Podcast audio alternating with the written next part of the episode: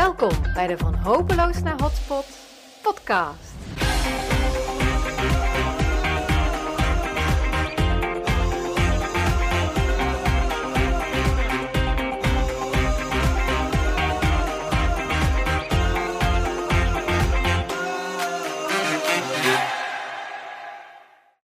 Hoi, fijn dat je er weer bij bent bij een nieuwe aflevering van de Van Hopeloos naar Hotspot podcast. Ik ben je host, Sandra Poelman, en we gaan weer door met onze expeditie, waarin we onderzoeken hoe we stadsharten die kampen met leegstand en neergang weer kunnen laten bonken en vibreren van activiteit. Vandaag staat er weer een interessante gast voor je klaar om een stukje van deze reis met ons af te leggen. Een gast waarvan ik denk dat hij ons hele concrete, realistische dingen kan meegeven voor de ontwikkeling van stadsharten en centrumrandzones. Een man van feiten en cijfers, maar ook met volop ruimte voor gevoel. En dat belooft wat. Onze gast van vandaag is John Badoel. John is zeer deskundig op het gebied van binnensteden. Hij is ooit begonnen bij BRO met centrummanagement, waarbij hij tegelijkertijd een adviesfunctie had voor het platform Binnenstadsmanagement. Daarna een periode bij Advin en Transvier, waar hij betrokken was bij de transformatie van bestaande gebieden en realisatie van nieuwe. Eh, als projectmanager en adviseur, met ook een financieel plan-economisch accent. Vervolgens weer echt een stadshart ingedoken, namelijk dat van Nijmegen. Eerst een periode vanuit de gemeente en vervolgens als, ja, hoe heet dat ook weer, ringstratenmanager, de rol van verbindingsofficier gespeeld tussen gemeente en ondernemers. En nu inmiddels is John alweer een jaar of tien werkzaam bij Seinpost als senior adviseur, waar vandaan hij in diverse steden betrokken is bij winkelcentra en gebiedsontwikkelingen. Hij zal zo vast nog wel even meer vertellen bij welke. En of dat nog niet genoeg is wat hij allemaal uh, gedaan heeft, hij heeft ook nog een adviesbureau, Blossom, mede opgericht. En hij zet zich in voor de Nijmegen studenten Planologie en Sociale Geografie via het Rubelfonds. Nou, zo'n cv waarvan je meteen herkent, dit is een echte liefhebber van zijn vak en een waardevolle gesprekspartner. Dus laten we snel beginnen. John, van harte welkom in deze podcast. Dankjewel, een mooie introductie. Leuk om dat zo eens terug te horen, hè, wat je dan eh, de afgelopen jaren hebt gedaan. Ja, ja, hè? ja. Het is een hele mond vol. Het is wel mooi als iemand nou. dat voor je opleest dan, hè? Ja, ja, ja. ja. Nou, ik heb natuurlijk uh, je even kort zo heel staccato geïntroduceerd. Ja. Maar waarschijnlijk wil je daar nog wel het een en ander aan toevoegen. Vertel eens, John, wie ben je en wat drijft je? Ja, en misschien ook een stukje privé. 43 jaar jong of oud, net zoals je het ziet. Uh, ik woon in Nijmegen, samen met, mijn vrouw en, uh, en twee kinderen.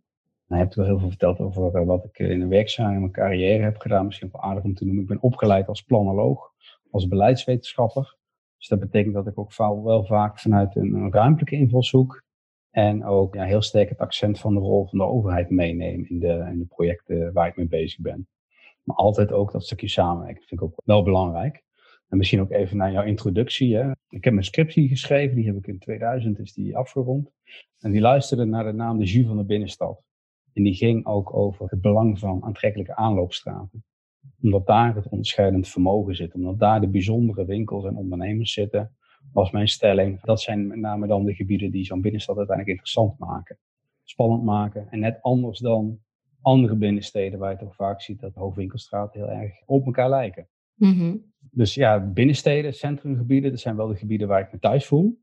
En dan eh, eigenlijk merk ik wel de laatste tijd dat ik me ja, enorm geboeid voel door uh, die gebieden waar het misschien wat minder gaat. Die kwetsbaar zijn en waar soms ook wel, ja, wel een rauw randje aan zit. Hè? Dus die gebieden waar mensen misschien een beetje met hun handen in het haar zitten, dat vind ik de leuke gebieden om mijn tanden in te zetten. En om samen met partijen daar mee aan de slag te gaan. Dat geeft echt voldoening.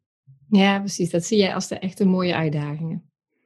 Ja, het mag wel een beetje taai, het mag wel uitdagend zijn, het mag wel uh, bijzonder zijn. Dat is iets wat mij wel aanspreekt, absoluut. Ja, en uh, als je nu kijkt naar de stadcentra op dit moment, wat zie jij dan als de grootste uitdaging? Ja, op dit moment is dat corona. Ja. Als je kijkt naar de... Wel, natuurlijk sowieso al de uitdaging dat die binnensteden heel snel en structureel aan het veranderen waren. Onder invloed van internet, maar ook vooral het veranderende koopgedrag werden die binnensteden steeds minder een plek waar je ruimte had waar spulletjes stonden. Een place to buy, maar steeds meer eh, plekken werden waar mensen naartoe kwamen om elkaar te ontmoeten, om te zijn. De place to meet was steeds belangrijker. En je ziet nu onder invloed van alles wat met corona te maken heeft, dat dat ja, ook een heel nieuw perspectief komt te staan. En als je dan kijkt naar corona, ook op dit moment is het natuurlijk heel actueel. Ook als je kijkt naar de feiten en de cijfers van de, bijvoorbeeld de banken of de provincies die met hun corona impact monitors komen, dan zie je dat sectoren als de detailhandel, de horeca, maar ook vastgoed, dat zijn de sectoren waar uh, klappen vallen. Mhm. Dat zijn natuurlijk ook de sectoren die allemaal te vinden zijn in onze binnensteden, in onze centrumgebieden. Dus daar zitten bij heel veel partijen zitten heel veel uh, zorgen. Dat merk ik ook op het moment dat ik spreek met ondernemers, vastgoedeigenaren, beleidsmakers. Uh, heel, nou, heel, sterk die focus op de situatie nu. Hoe krijgen we grip met elkaar? En vervolgens, hoe gaan we een invulling geven aan die anderhalve meter economie? Echt wel een hele nieuwe dimensie die er aan wordt toegevoegd. Hè? Dimensie van, van gezondheid. Dimensie van welzijn. Het prettig kunnen verkeren in, in zo'n gebied. Dat is wel echt wezenlijk nieuw en dat houdt heel veel mensen bezig. Ik merk ook dat het dan voor sommigen, denk bijvoorbeeld aan horecaondernemers, heel lastig is om de blik vooruit te werpen. Want we zitten nog volop in onzekerheid. Verwachting is dat één op de zes eh, bedrijven mogelijkwijs gaat omvallen. Ja, dat hakt er natuurlijk enorm in. Dus ik snap heel goed aan de ene kant dat dat partijen bezighoudt. Maar ik denk aan de andere kant dat ja, de uitdaging is om ook de blik vooruit te werpen. Te kijken van oké, als we dadelijk uit die eerste set van maatregelen komen en we gaan die anderhalve meter economie, hè, zoals Rutte hem ook noemt, gaan we invullen met elkaar. Maar daarna, hoe gaan we dan naar die, uh, die binnensteden kijken? Ik denk dat dat een hele belangrijke vraag is, waar misschien mensen nog niet allemaal aan toe zijn. Maar ik denk dat het wel belangrijk is om die fundamentele vraag te beantwoorden. Zodat je uiteindelijk ook met goede maatregelen aan de slag gaat. En niet terugvalt in datgene wat je misschien voor de crisis deed. Want ik denk wel dat die crisis wel ook wel tot, tot verdere structurele veranderingen gaat leiden. En dat klinkt dan meteen als een hele hoop uh, onzekerheid, als een hoop vragen. Maar ik denk dat antwoorden ook te vinden zijn door even terug te kijken in, in wat verder verleden. Hoe is een plek ontstaan? Wat is de identiteit, de historie van, van zo'n gebied? En welke lessen kun je daaruit leren? Want als je bijvoorbeeld voor zo'n binnenstad als Nijmegen, als je dat even helemaal terug gaat naar de ontstaansgeschiedenis en, en de film tot nu even terugspeelt, ja, dan zijn natuurlijk diverse crisis al geweest. Hè. Ik noemde de Tweede Wereldoorlog bijvoorbeeld. Nou, er zijn toch wel meer uh, ingrijpende gebeurtenissen geweest die dat hele, de opzet en de functie van stadcentra hebben veranderd. Maar die centra zijn altijd centra geweest. Zijn altijd belangrijke plekken geweest. Hè. We hebben altijd gezegd, we gaan naar de stad. Die centra zijn altijd visitekaartjes geweest. Dus ik denk dat vanuit dat verleden, dat daar heel veel aanknopingspunten ook weer te vinden zijn voor de toekomst dat er heel veel bouwstenen ook in, dat, eh, ja, in die rijke historie, en met name ook in de betekenis van die centra, en dat we die moeten zoeken en dat we een aantal misschien ook moeten gaan herwaarderen. Heb je een voorbeeld ervan? Want ik begrijp wat je zegt, maar kun je, mm kun je iets benoemen waarvan je zegt van nou dat is interessant, iets uit het verleden, een mooie bouwsteen naar de toekomst toe?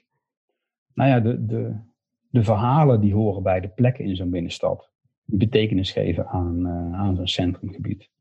Wat ook een mooie is, is denk ik de, de, de ruimtelijke structuur. Hoe is die binnenstad opgebouwd? Hoe ziet de openbare ruimte eruit? Wegen, de bouwblokken. Nou, Zo'n stad is vaak ontstaan als, als een heel logische centrale plek waar gehandeld werd. Vanuit het belang van die plek eh, is zo'n stad verder uitgegroeid. Maar die ligging, die natuurlijke ruimtelijke kwaliteiten, die zijn er nog steeds. En dan kun je, die ligging kun je ook benutten. Concreet te maken. Ik ben ook actief in de Bloemenstraat in, in Nijmegen. Dat is ook zo'n straat die zich ja, in een soort van identiteitscrisis bevond. dat was ooit een winkelstraat. Maar je zag dat daar andere functies dan winkels, horeca, dienstverlening, steeds meer het straatbeeld kleurden. Tegelijkertijd wel bij alle partijen zorgen van wat is dit nou gebied, hoe kunnen we dit gebied nou ook aantrekkelijk houden. Ja, en dan, dan helpt het op een gegeven moment niet om naar zo'n gebied te kijken vanuit een bril als, is het, als ware het een winkelstraat. Maar dan moet je daar even vanaf gaan, dan moet je gaan kijken wat zijn nou die kwaliteiten van dat gebied dan ga je terug in dat verleden en dan zie je van, hé, hey, die straat heeft altijd heel goed gelegen in die stad. Heeft heel goed gelegen in die binnenstad. Dus die ligging is een belangrijke verklarende factor voor het succes. Nou, dat succes is nu niet meer. Je bent op zoek naar een nieuwe, nieuwe invulling. Dan is dat wel een ankerpunt waar je wat mee kunt. Ja. Wat voor die straat ook belangrijk was, noemde al de crisis van de Tweede Wereldoorlog. En die straat is ook slachtoffer geweest van die Tweede Wereldoorlog in die zin dat een belangrijk deel van die straat gebombardeerd is weggevaagd is en weer opgebouwd is. En dus nu bestaat uit wederopbouwarchitectuur. En daar zitten ook alle ambities van die tijd zitten in die panden. En dat heeft dan bijvoorbeeld ook te maken met maatvoering van panden. Die panden zijn heel geschikt voor bepaalde activiteiten. En dat bedoel ik dan met, kijk naar het verleden. Kijk naar die constante waarden die je in zo'n gebied terugziet. En ga eens kijken of je daarmee kunt bouwen. Ja, precies. Even, even uitzoomen. En, Even uitzoomen. en, Ja. en herwaarderen. Hè? Dus Ja. kijken van wat is hier de kwaliteit. In plaats Ja. van eh, alleen de, de probleemsituatie benoemen. En nog een keer benoemen. Ja. Ken ik, ja. Ja, en probeer ook even de oplossingen vanuit het verleden of de, de denkrichtingen vanuit het verleden. Probeer die even los te laten. En probeer een beetje blanco naar zijn gebied te kijken. Welke kwaliteiten hebben we nu? Welke bouwstenen hebben we nu? Wat kunnen we nou mee bouwen? En dus ook, dat gaat ook over hoe je ernaar kijkt. En niet, natuurlijk is het goed om eh, naar de problemen te kijken, naar de opgaven. Maar blijf daar ook niet in hangen. Ik, geloof dat je, je veel meer voor elkaar krijgt met elkaar als je vanuit positieve energie gaat, eh, gaat werken. Vanuit kansen gaat denken. Als je vanuit bouwstenen in het gebied gaat werken, niet gaat oppoetsen. Is volgens mij ook een benadering die je moet kiezen. Niet gaan somberen, maar blik vooruit, kansdenken, innoveren. Ik denk dat dat ook in tijden zoals deze crisis belangrijk is dat je een met een bepaalde mindset aan de slag gaat. Ja, ja, die mindset die onderschrijf ik meteen. Ja, En, tegelijkertijd denk ik van, het vraagt van ons denk ik heel veel nadenken en actie in het hier en nu. ja, En ook een blik op de toekomst. Hè, en dan eh voortbouwend op, ja, dat je wat verder uitzoomt en weer opnieuw opbouwt. Maar ik denk dat we het misschien wel, ja, in zo'n crisis als deze, denk ik dat we het allebei moeten doen. Hè, dus eh, de lange termijn en de korte termijn. Omdat er natuurlijk hele evidente uitdagingen op dit moment liggen. Ja. En, en als daar ook eh, op een positieve manier aandacht voor is, hè, en als Ja. we daar, elkaar daar een beetje in inspireren en ondersteunen, is er meer mogelijk dan je op het eerste ogenblik eh, zou denken, wellicht. Ja. ja nee, ja dat, zo, dat, dat geloof ik ook oprecht. Dat- Dat je in kansen moet denken en dat je ook dingen moet proberen. Moet je goed nadenken over ja, welke kant je op gaat. Maar we weten simpelweg, omdat we nog midden in de crisis zitten, weten we ook heel veel niet. We vinden ons een soort, misschien wel een soort van mistwolk waar we nog niet weten hoe we eruit gaan komen.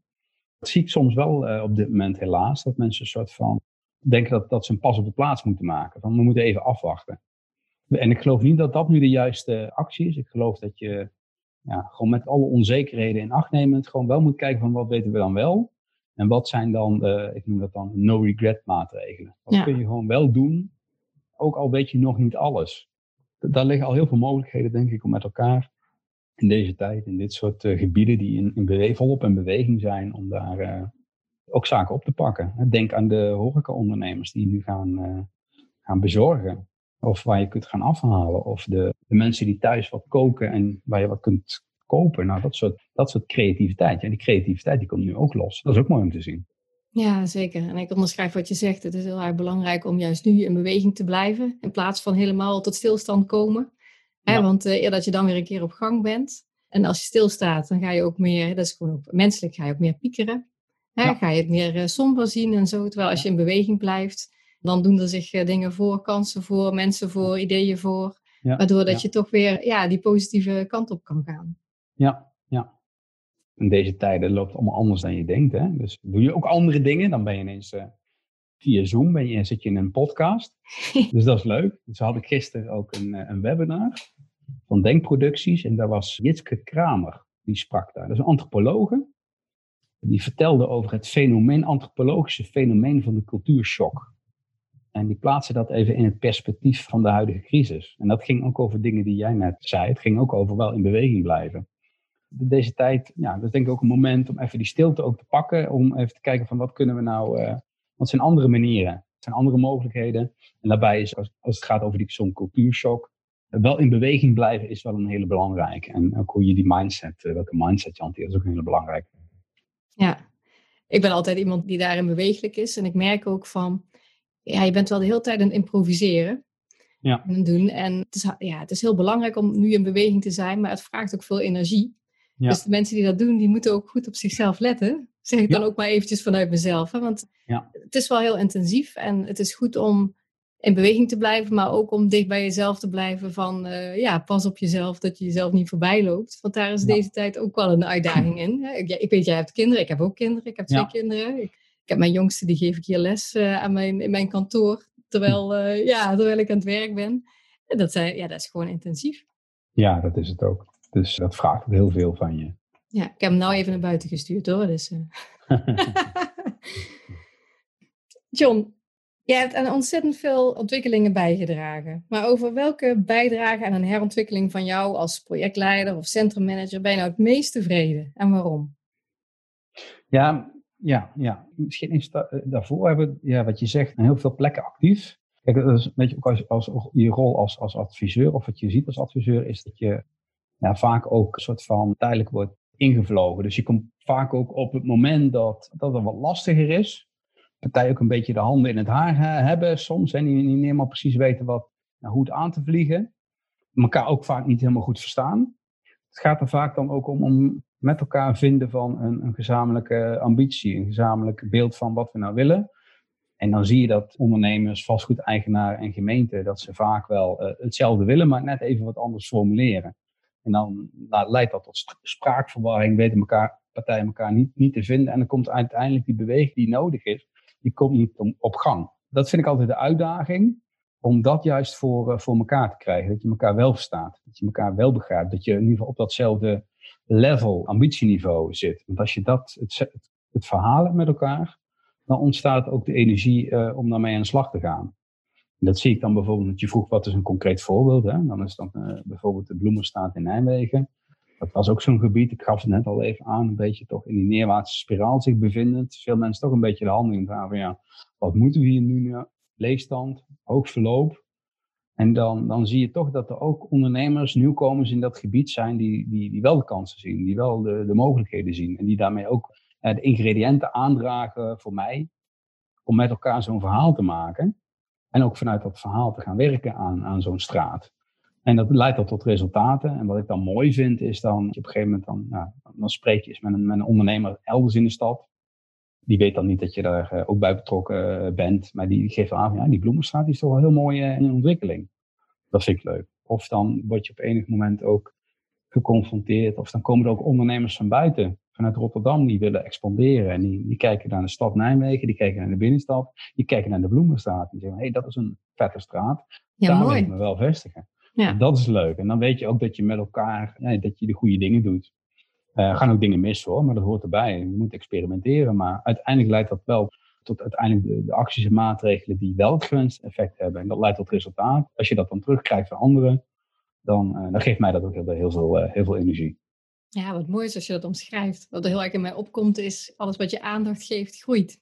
Ja, ja, ja, ja. Ja, je moet wel kijken van waar moet ik dan uh, aandacht aan geven. Hè? En wat is de voedingsbodem? En uh, wat kan er goed groeien op voedingsbodem, zodat het ook zin heeft om die, die aandacht te schenken. Dat is denk ik ook wat wij proberen te doen in ons werk. Kijken ja. hoe is die voedingsbodem nu samengesteld en wat, ja, wat kan daar dan uit groeien en bloeien? Ja. En wat moeten we misschien ook snoeien?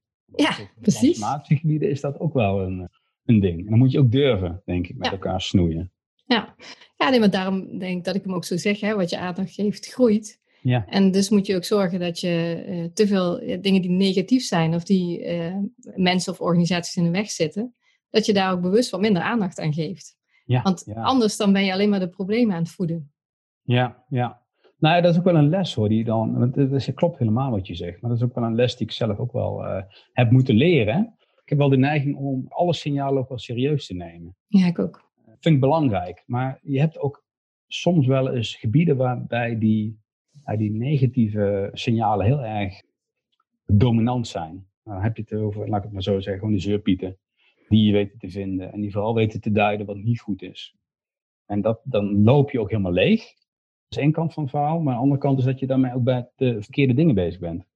Ik ben ja. me helemaal met je eens als je zegt, je moet wel kijken van waar zit de energie. En hoe kunnen we dat nou op een goede manier kanaliseren. En gedoseerd aandacht aan negatieve dingen. Niet wegduwen, ook niet te veel aandacht geven, want dan gaat dat domineren in het beeld. En hoe kunnen mensen kennis nemen van de, wat is het, de Bloemenstraat, zei je? De Bloemenstraat Nijmegen, bijvoorbeeld, ja. Ja, ze kunnen er naartoe gaan, maar dat is nu natuurlijk een beetje lastig. Maar is er een mooie website van? Of, uh... Altijd het beste toch om uh, gewoon zelf te ervaren. Tuurlijk. Wat we ook uh, hebben gedaan is, in een eerder stadium hebben we een, je had het al even over Blossom. Misschien ook wel even om, om, goed, want dat zegt er wel ook iets over de manier waarop ik werk, waarop wij werken. Want Blossom is eigenlijk een gelegenheidsorganisatie. Van mij, Seimpels Adviesbureau. Maar ook met een ondernemer, Mood Concept Store. En met de Lindenberg, een cultureel centrum. Dus eigenlijk drie hele verschillende organisaties. Maar die brengen wel een stukje creativiteit en, en frisse, frisse blik. Gewoon ondernemerschap, conceptdenken en, en netwerk. En dan vanuit ons meer de ruimtelijke economische bril en het overzicht. En we hebben gezegd van het is wel heel leuk om binnen, zo'n zo'n opgave, zo'n gelegenheidscoalitie te maken om uh, met dat gebied aan de slag te gaan. En die naam Blossom, ja, die staat natuurlijk voor, voor opbloeien, weer tot wasdom laten komen. En in combinatie met een bloemenstraat vonden we dat wel een hele leuke, hele leuke naam. Ik snap hem, ja. ja. Dus welke, welke gelegenheidscombinatie is het? Dus het is uh, ruimtelijk-economisch wat je zegt. Ja. Creativiteit, conceptontwikkeling. En wat nog meer? En ja, en cultuur, evenementen, die hoek. Ja. dat is meer de Lindenberg. Dus dat, en dat hebben we Blossom genoemd. En we hebben op een gegeven moment ook, uh, vanuit die ambitie om dat gebied op te laten bloeien, hebben we een Facebookpagina gemaakt. Bloemenstraat bloeit. Nou, dat is wel eentje waarbij je wel een beetje ziet wat we aan interventies de afgelopen periode hebben gedaan. Die ook gericht waren op het, ja, het veranderen van een stukje beeldvorming. Want je kunt je voorstellen dat in, in zo'n gebied, in een neerwaartse spiraal, dat geldt niet alleen voor zo'n bloemenstraat, maar dat geldt voor heel veel gebieden, dat er een bepaald beeld ontstaat. Een wat negatief geladen beeld. En dat kan je op, een gegeven moment ook in de weg gaan zitten. Hè? Als je wilt bouwen aan zo'n gebied, dan zit dat beeldje in de weg. Terwijl er gewoon wel uh, ja, objectief, aan basis van feiten en cijfers, ook gewoon de verhalen uit zo'n gebied, dat er heel veel kwaliteiten zitten. Heel veel pareltjes zitten die opgepoetst moeten worden. Nou, we hebben daar met allerlei evenementen hebben we geprobeerd om ook die kwaliteit een beetje op te poetsen. Ja, en als jij dan zegt we bouwen het gebied op, dan weet ik zeker dat jij niet bedoelt hè, met stenen. Want de gebouwen staan er al, maar wat, wat bouw je op? Wat, wat zijn de, de manieren waar je mee bezig bent? Het gaat over het beeld, het gaat over de samenwerking. Misschien een voorbeeldje als het gaat over dat beeld. Hè. Een belangrijke kwaliteit van het gebied is de routefunctie die het heeft. Als je de stad inkomt per openbaar vervoer bijvoorbeeld, dan is het een hele prima manier om uh, naar het hart van het centrum te gaan. Dus dat wilden we belichten. En dan wel een beetje op een andere manier, hè, want je wil ook bezoekers uitdagen om op een andere manier naar het gebied te, te kijken. Dus we hebben een hele lange hinkelbaan gemaakt, vanaf Centraal Station door de straat stad in. Om mensen ook echt uit te dagen om op een andere manier naar de straat te kijken. Maar wel ook de kwaliteiten van het gebied zichtbaar te maken. Dus dat is zo'n voorbeeld. Ja, leuk. Een ander, ander leuk voorbeeld vind ik zelf is wat we op een gegeven moment hebben gedaan, is een, een muurschildering aanbrengen. In het gebied bevond zich een gevel, ja, gewoon een dode gevel, die deed helemaal niks. Terwijl het wel een hele markante plek was, die je al kon zien op het moment dat je eigenlijk voor de entree van het gebied op, voor het stoplicht stond te wachten. Nou, dus ons idee was, hoe mooi zou het zijn als je daar het verhaal van die straat zou vertellen. Dus wat we hebben gedaan is samen met eh, een ondernemer eh, die daar in die plint zit en bewoners hebben we met elkaar een, het, verhaal ontwikkeld en vertaald in een muurschildering. En eh, wat ik het vond van die aanpak is dat in eerste instantie was het heel moeilijk om over de kwaliteiten van, van de straat te spreken. Want mensen waren wel ontevreden over het feit dat er hard gereden werd dat er drugs gedeeld werd, dat er onveiligheid was, et cetera, et cetera. En vroeger was het allemaal beter. Hm. Toen we gaandeweg dat gesprek eh, met elkaar hadden, toen ontstond steeds maar meer, ja, kwamen ook wel kwaliteiten bovendrijven. En toen hielp het ook enorm om daar een kunstenaar op los te laten. Of beter gezegd, we hebben eigenlijk een drietal kunstenaars toen gevraagd om een soort van voorstel te doen van stel nou, dit is jouw canvas. Hoe zou jij nou het verhaal van, van deze straat, en ga ervoor ook zelf kijken, maar we hebben ze ook wat, wat, wat zaken aangereikt, en probeer dat nou eens te vertalen wat ontstond is het, het gesprek met elkaar. Hè, dat ging van wat is niet goed. Nou, dit is mooi, dit is prachtig, dit zijn kansen. Zo ontwikkelde dat gesprek zich tussen die ondernemer, bewoners en ons. En dat werd uiteindelijk vertaald in een muurschildering, waar ook de mensen enorm trots op zijn. En dat, dat vind ik mooi, dat je op die manier dus de trots van, die, uh, van mensen uit het gebied aanwakkert. En uh, met zo'n uh, mural ook een statement maakt. Want er staan geregeld mensen een foto te maken, omdat ze het gewoon een vette mural vinden. En dat, dat vind ik dan wel leuke voorbeelden van hoe je ja, met interventies niet alleen iets, iets bereikt voor, voor de bezoeker, maar vooral ook iets van trots losweekt bij partijen in het gebied. Ja, fantastisch voorbeeld. Ja. Hartstikke mooi voorbeeld, joh. Ik, uh, ik heb het in mijn boek ook, hè. Uh, spray en glimlach op een gevel. Ja. Ja. En ja, je kunt daar in korte tijd zoveel moois mee bereiken. Inderdaad, in de, in de beleving in de straat zelf, maar ook in de trots van de mensen die er een, een, een, plek hebben, die zich erbij verbonden voelen. Ja, ja, ja. leuk joh. Ik ga hem zeker een keer uh, zien. Moet gewoon naar Nijmegen. ja, sowieso. sowieso, sowieso. Ja, ja. En dan weet ik dat jij ook bij de honingfabriek, bij dat terrein uh, betrokken bent. Mhm. geweest of nog steeds, dat weet ik eigenlijk niet. Nog steeds, nog steeds. Ja. Ja, want ik vind het wel grappig. Ik heb jou in het begin geïntroduceerd als een man van de feiten en de cijfers. En daar hebben we het eigenlijk nog weinig over gehad. En ik weet dat je Ja. daar juist ook vanuit jouw eh, financiële eh, invalshoek ook een hele waardevolle bijdrage hebt eh, geleverd. Kan je daar iets over vertellen? Ja, niet alleen in Honig denk ik, maar ook in andere gebieden. Ja, die feiten, die vormen wel een pijler onder een aanpak. Maar zoals wat je net zei, het gaat niet alleen over de stenen. Ze zijn wel belangrijk. Gaat het ook over muurschilderingen aanbrengen, redden we het ook niet. En alleen naar de cijfers kijken, dat, dat, is hem ook niet. Maar ik denk dat je wel heel reëel moet kijken van wat is nou... En dan komt die ruimtelijk-economische bril weer even op. Dan moet je kijken van oké, wat is hier nu? Wat is haalbaar? Ja, hoeveel mensen wonen nou in zo'n gebied? Of komen naar zo'n gebied? En kun je nou verleiden om daar hun, eh, ook hun centen uit te geven? Wat betekent dat dan voor een ondernemer? En kan die dan ook een bepaalde omzet halen? En welke huurprijs rechtvaardigt dat dan? En wat betekent dat dan weer voor zijn eigenaar? En hoe kan hij dan ook het vastgoed eh, daarvoor geschikt maken? Dus die financiële component, ja, die, die is wel heel erg belangrijk om daarnaar te kijken. Dat is inderdaad, als, als het gaat over de honig, is dat ook iets waar wij een, rol in, spelen. Ja, want de honig is ook een heel mooi voorbeeld als je het hebt over transformatie. Ook een heel mooi voorbeeld als je het hebt over crisis overigens. Want nou ja, de, de honigcomplex, de plek waar in het verleden de, pakjes soep werden gemaakt, stond op een plek die genomineerd was als nieuwbouwlocatie. Dus daar werden allerlei hele mooie plannen gemaakt voor woningbouw. Maar ja, die plannen die konden als gevolg van een van de vorige crisis de, de ijskast in. En dat maakte dus dat er de, vraag op tafel kwam: van, ja, wat gaan we dan met die panden doen? Gaan we ze nou omduwen of laten ze nog even staan? Nou, het antwoord was eigenlijk: we laten ze staan. We geven daar de ruimte aan ondernemers om daar gewoon hun ondernemerschap bot te vieren, om het zo maar eens even te zeggen. En dat, uh, dat sloeg wonderwel aan. Zo wonderwel dan op een gegeven moment, uh, ja, toen de economie aantrok, natuurlijk ook de vraag weer op tafel kwam. Ja, wat doen we nou met deze plek? Moeten we hem gaan omduwen en daar woningen gaan realiseren? Of moeten we behouden wat er nu is, wat die ondernemers hebben opgebouwd? Nou, het antwoord op die vraag was het laatste, behouden wat die ondernemers hebben opgebouwd. Dus een heel belangrijk deel van het complex, dat gaat behouden worden.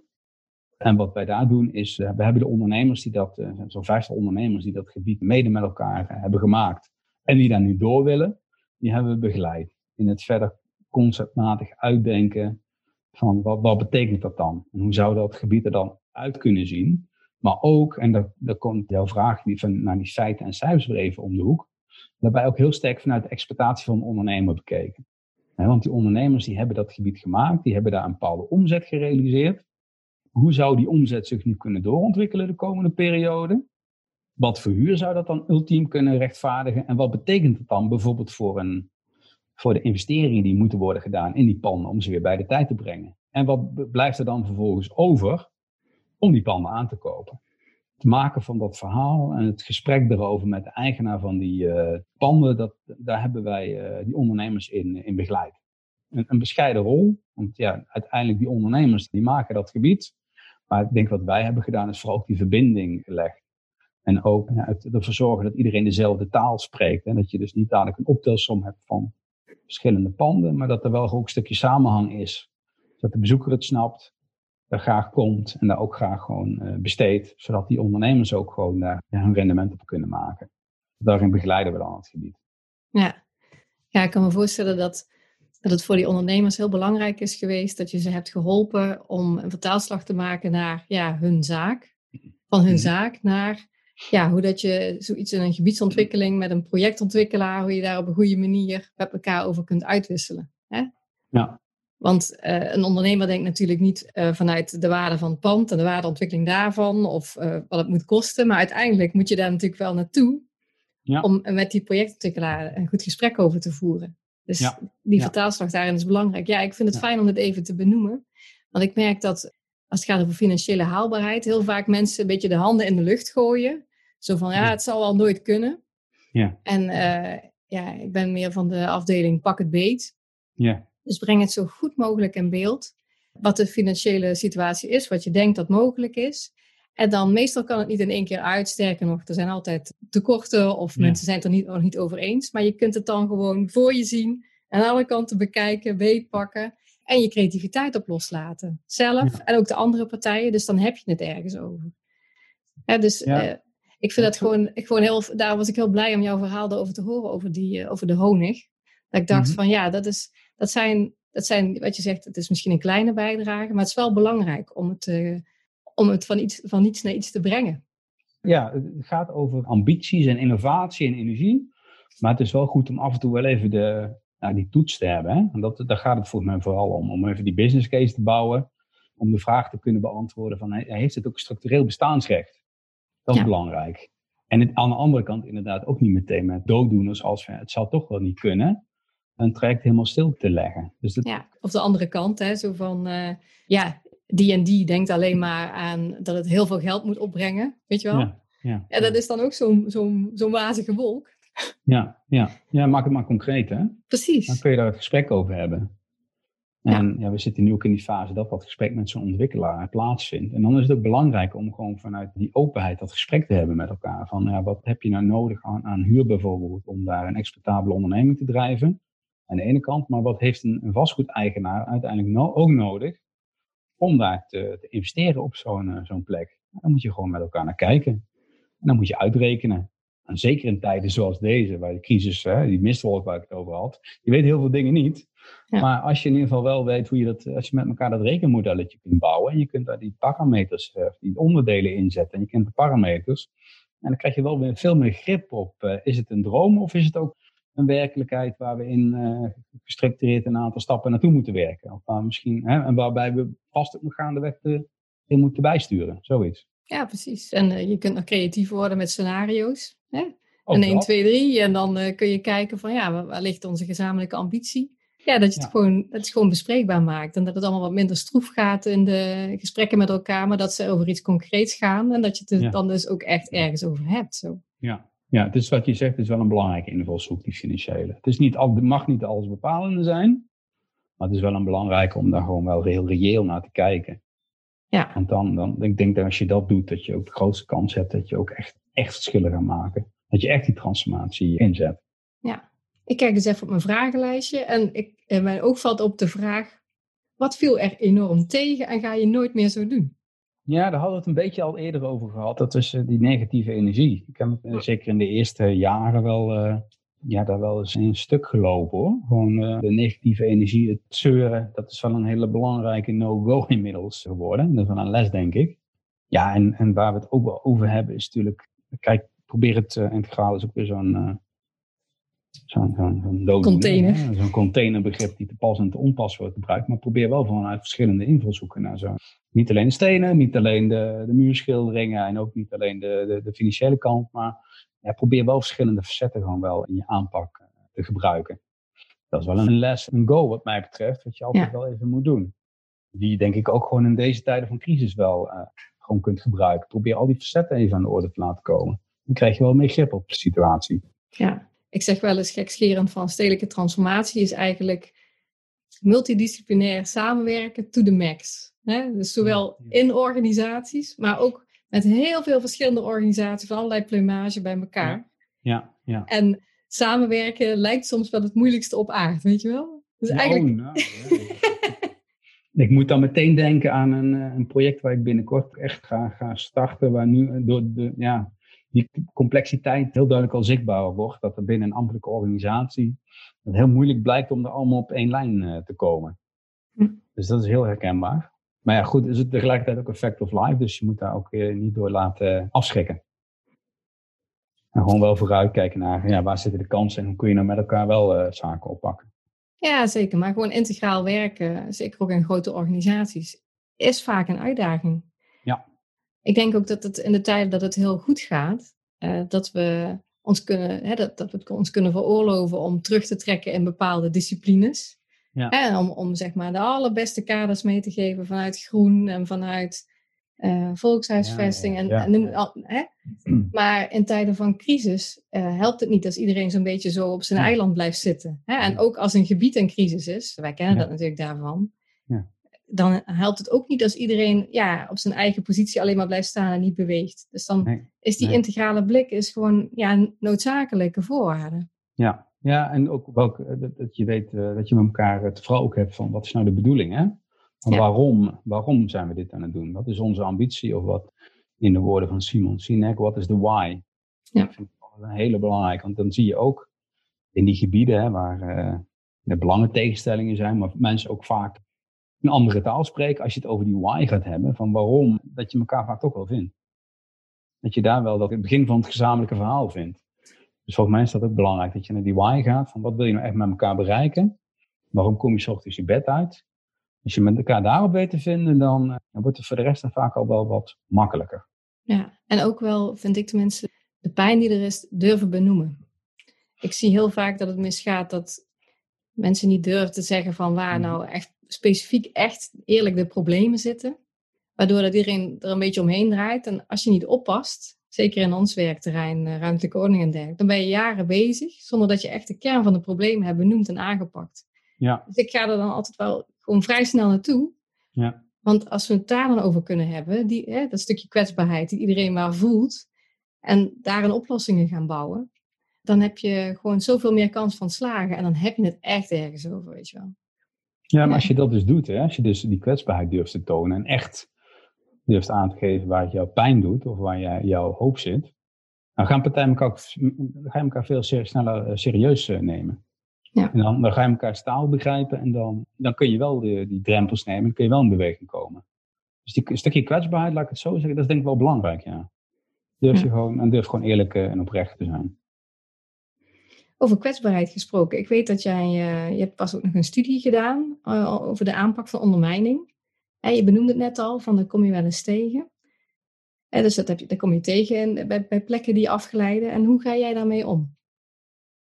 Ja, ik heb inderdaad een cursus ondermijning, bestuurlijke aanpak van ondermijning, hele mond vol. Mm -hmm. En die heb ik vrij recent afgerond. Ik vond het uh, enorm interessant. Allereerst omdat ja, toch alweer een hele tijd werkzaam in, in, in, in winkelgebieden. Vanuit het, heel, het ruimtelijke domein, het economische domein. En om eens een keer met mensen vanuit politie en afdelingen veiligheid. Het is heel leuk om dat andere perspectieven te zien. Zijn naar uh, inderdaad kwetsbare gebieden kijken. Want ik zag in mijn praktijk, in die gebieden waar ik bezig ben, dat op het moment dat die gebieden kwetsbaar zijn, en ondernemers kunnen niet meer hun geld verdienen door wat ze voorheen deden, het bedrijfsmodel werkt niet meer, dan zie je jammer maar helaas ook partijen die dan toch op andere manieren geld gaan proberen te verdienen. Dan zie je op een gegeven moment dat er ondermijnende criminele activiteiten in panden gaan plaatsvinden. En dan zie je daarmee ook dat een gebied afglijdt, dat er dingen gebeuren die je eigenlijk niet wil. Maar ook dat een stukje, laat ik zeggen, marktwerking wordt gefrustreerd. En waar normaal ondernemingen misschien op een gegeven moment zouden wegvallen omdat ze het gewoon economisch niet meer redden, zie je nu dat plekken gevuld blijven door lieden die op een andere manier inkomsten genereren en panden, uurpenningen kunnen betalen aan, uh, aan vastgoedeigenaren. En dat mechanisme, dat, dat, dat, daar loop je dan tegenaan als je in die gebieden bezig bent. Hè? En dus je, het helpt dan ook niet om met muurschildering, daar helpt geen muurschildering tegen. Nee. In die structuur moet je op een gegeven moment ook uh, ingrepen gaan doen. En ik, uh, in die projecten loop je daar tegenaan. En vanuit zijn post hebben we ook in, in, al die trajecten die we de afgelopen jaren hebben gedaan, ook vaak wel die, dat economische spoor en dat veiligheidsspoor bewandeld. Dus daar had ik ook wel wat ervaring in, maar ik vond het ook wel goed om me daar eens even wat breder in te verdiepen. En wat, wat kun je doen dan? Wat kun je doen? Nou, de belangrijkste les die ik wel heb geleerd is dat waar wij, of ik, in het verleden vooral heel, natuurlijk heel sterk stimulerende maatregelen bezig was.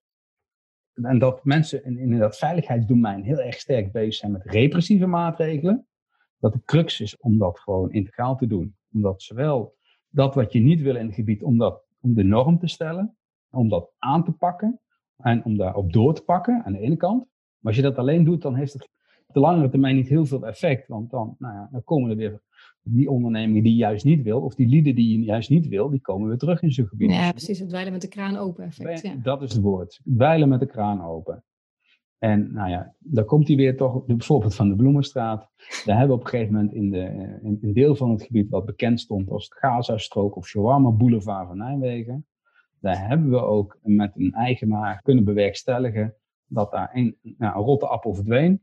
En dat daar nu een nieuwe onderneming zit, die Pizza Café Decem, die houdt zich bezig met natuurlijk gegiste pizzabodems. Die dan met natuurlijke producten worden belegd, zoals oesterzwammen en, en schimmelkaas. Met een natuurlijke gebrouwen biertje of wijn erbij.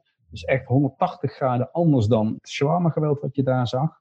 En zo'n interventie ja, laat zien wat kan. En doet enorm voor de beeldvorming. En ja, zorgt ervoor dat je niet meer met de kraan open aan het dweilen bent. Dus ja, en, terug naar jouw vraag. Wat heb je geleerd? Vooral die, die samenhangende aanpak. dus repressief en stimulerend aan de slag. Ook hier weer de verschillen in benaderingswijze maken ook dat je bij zo'n aanpak ook dat verhaal helder moet hebben. Die ambitie moet, helder moet hebben. En dezelfde taal moet gaan spreken. Er lijken hele kleine dingetjes, maar zoals ik ook binnen één project had ik er met iemand van veiligheid over. Hè. Die, die, had het dan over repressieve en preventieve maatregelen. Die zei nee, repressief en stimulerend. Ze zei ja, nee, stimulerend. Dat woord ga ik ook gebruiken. Want het is zo belangrijk dat we dezelfde taal spreken. Dat is zo belangrijk, dezelfde taal en met nuance. En dat is denk ik wel wat ik heb geleerd. Naast gewoon heel gewoon wat.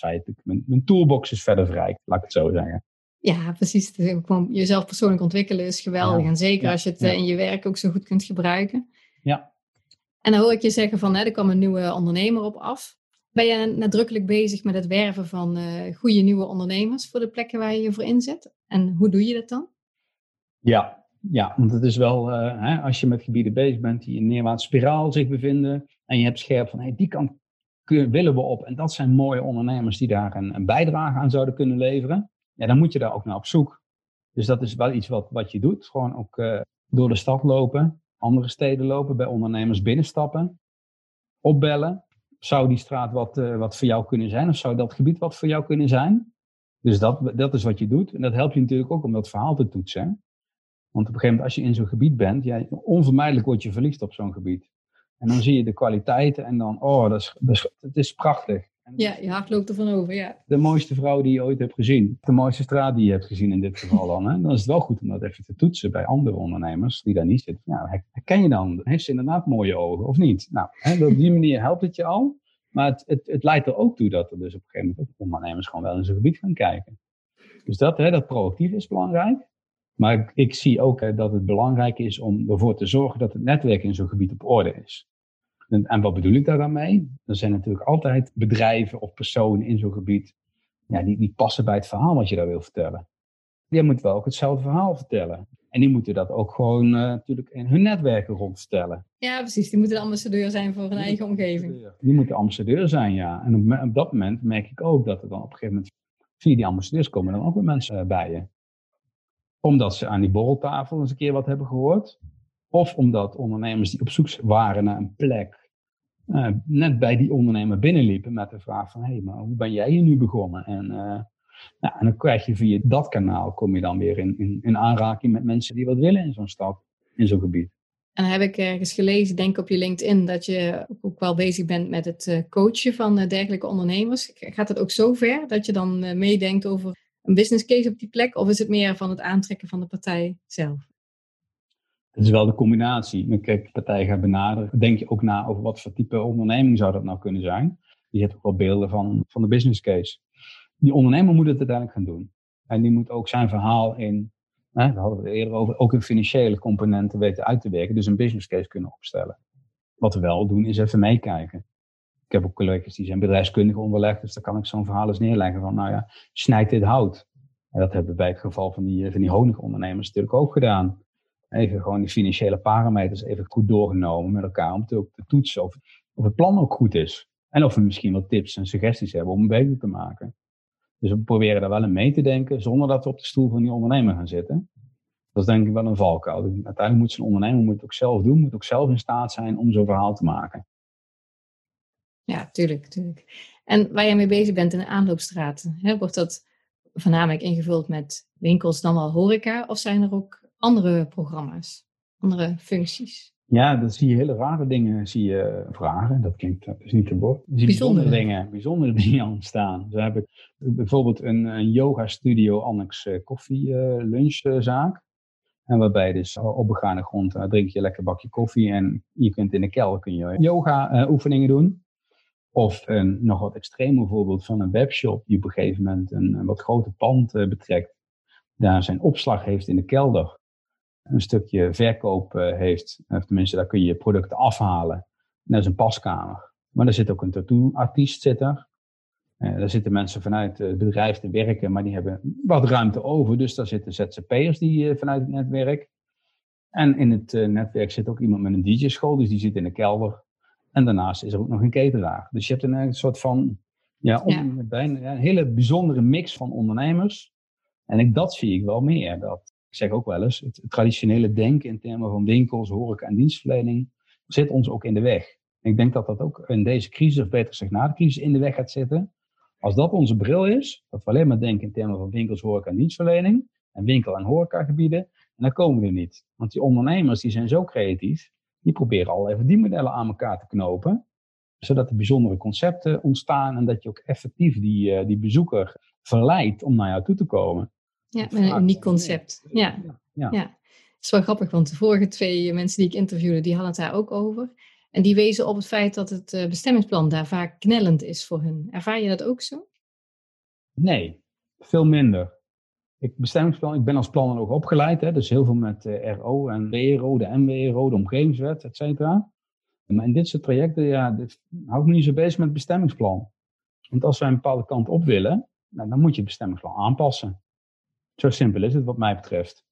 Als die ambitie helder is, dan kan het nooit zo zijn dat een bestemmingsplan de belemmering vormt. Dat betekent niet dat je hele basale veiligheidseisen overboord gaat gooien. Begrijp me niet verkeerd. Maar het bestemmingsplan, dat, dat, dat mag uh, nooit de belemmering zijn. Nee, precies. Maar ik, ik kon je ook zeggen van, kijk, zo'n bestemmingsplan, ik ken dat en dat is er. En als je er last van hebt of als het knelt, dan ga je gewoon met de gemeente in overleg en dan komt er een procedure op gang waardoor het aangepast wordt, toch? Ja, ook dat. Ja. Maar dan moet ervoor, moet het verhaal moet gewoon goed zijn. Ja. Het concept moet kloppen, het concept moet van toegevoegde waarde zijn. En dan zie ik ook bij, uh, bij gemeenten dat ze best bereid zijn om, om mee te denken. Mits gewoon heel basale randvoorwaarden als veiligheid, gezondheid, dat die geborgd zijn. Nou, dan kan er, dan kan er best wel wat. Natuurlijk hebben we ook met uh, voordelen met gedateerde wetgeving te maken. Die maakt met name als het dan gaat over uh, combinaties horeca en, en, winkel, dat het af en toe wat, wat stroef gaat. Dat is zeker waar. Dus het zit denk ik niet zozeer in bestemmingsplan als weer het feit dat we ja, allerlei wetten naast elkaar hanteren die af en toe elkaar ook een beetje in de weg zitten. Maar iedere keer wat mij betreft geldt, het verhaal, als het verhaal, de ambitie helder is, het verhaal helder is, dan zijn mensen binnen de gemeente van bestuurlijk tot ambtelijk niveau best bereid om mee te denken.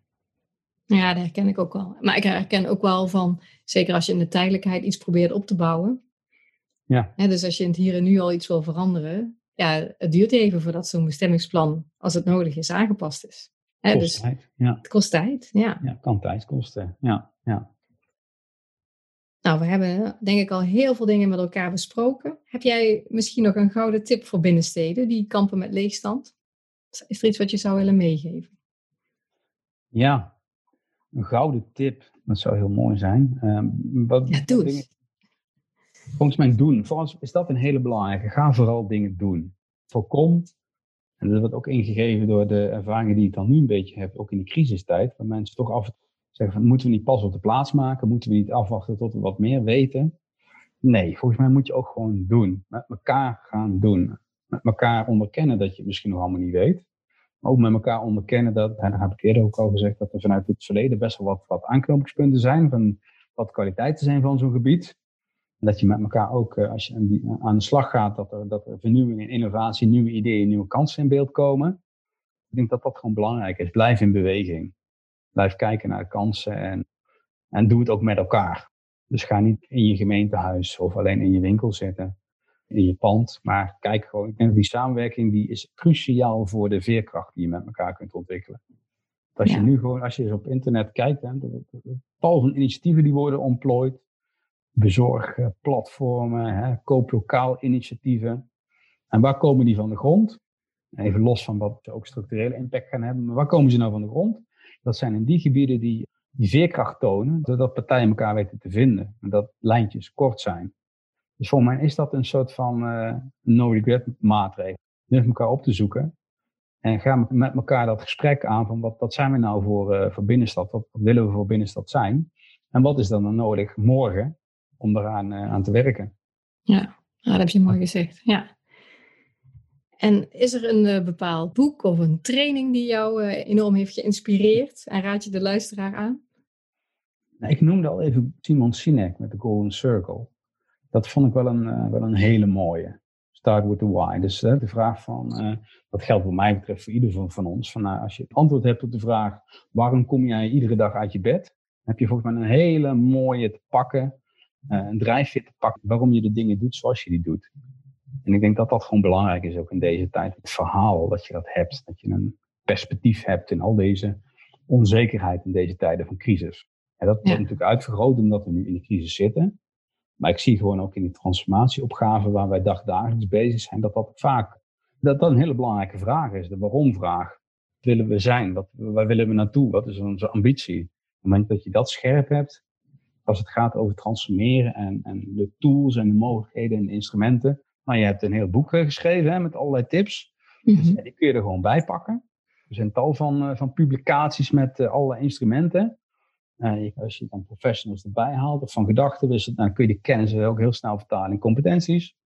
Maar volgens mij begint het bij uh, ja, waarom, de why. Dus dat zou wel een tip zijn. Ik vind dat, uh, je hoeft misschien eens een boek te lezen. Er is ook een, op YouTube zijn er ook filmpjes van drie, vier minuten. Ja, ja zeker van deze. Hè. Dat is een hele bekende TED-talk van. Ja. ja, nou dan heb je al heel snel, ik vond hem heel erg inspirerend. Ja, ja ik, ik ken hem en ik onderschrijf het natuurlijk meteen.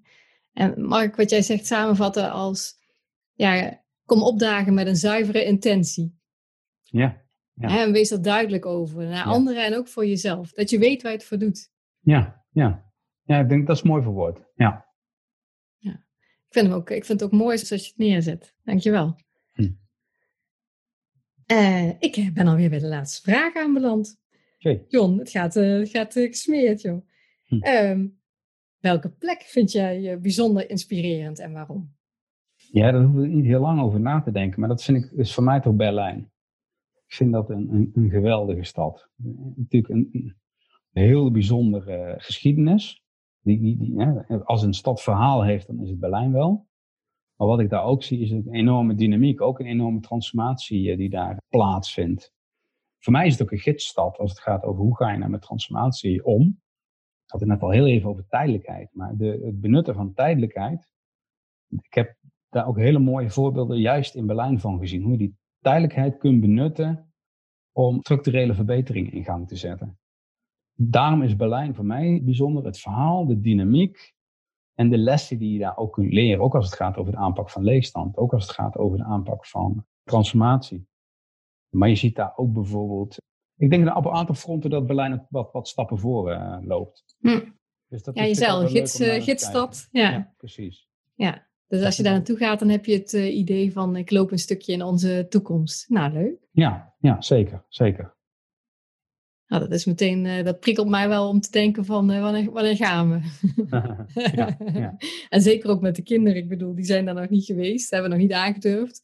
Ja. Maar ze komen nou langzamerhand op zo'n leeftijd dat ik denk dat ze dat ook wel kunnen waarderen. Ja, ja, ja. ja, Nou John, dan zijn we een beetje aan het einde gekomen en dan dank ik jou ontzettend hartelijk voor dit mooie gesprek.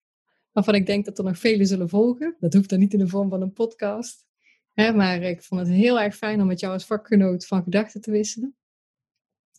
En nou ja, luisteraar, nu we aan het einde zijn gekomen van deze podcastaflevering, ben ik natuurlijk ook heel benieuwd geworden naar jouw ervaringen en inzichten naar aanleiding van dit gesprek. En ik vind het fijn en interessant als je een reactie achterlaat op LinkedIn, Facebook of Instagram. Maar je mag me ook een persoonlijk bericht sturen of een mailtje naar glowingplaces.icloud.com. John, heel erg bedankt voor het gesprek luisteren, ook heel erg bedankt voor het luisteren. Deel deze podcast gerust met andere mensen waarvan je denkt, ah, dat is interessant voor die en die. En als je mij wil aanschieten om te vertellen wie ik toch echt ook moet interviewen de volgende keer, laat het weten. Over twee weken staat een nieuwe aflevering voor je klaar. Dus tot de volgende keer. Stay tuned!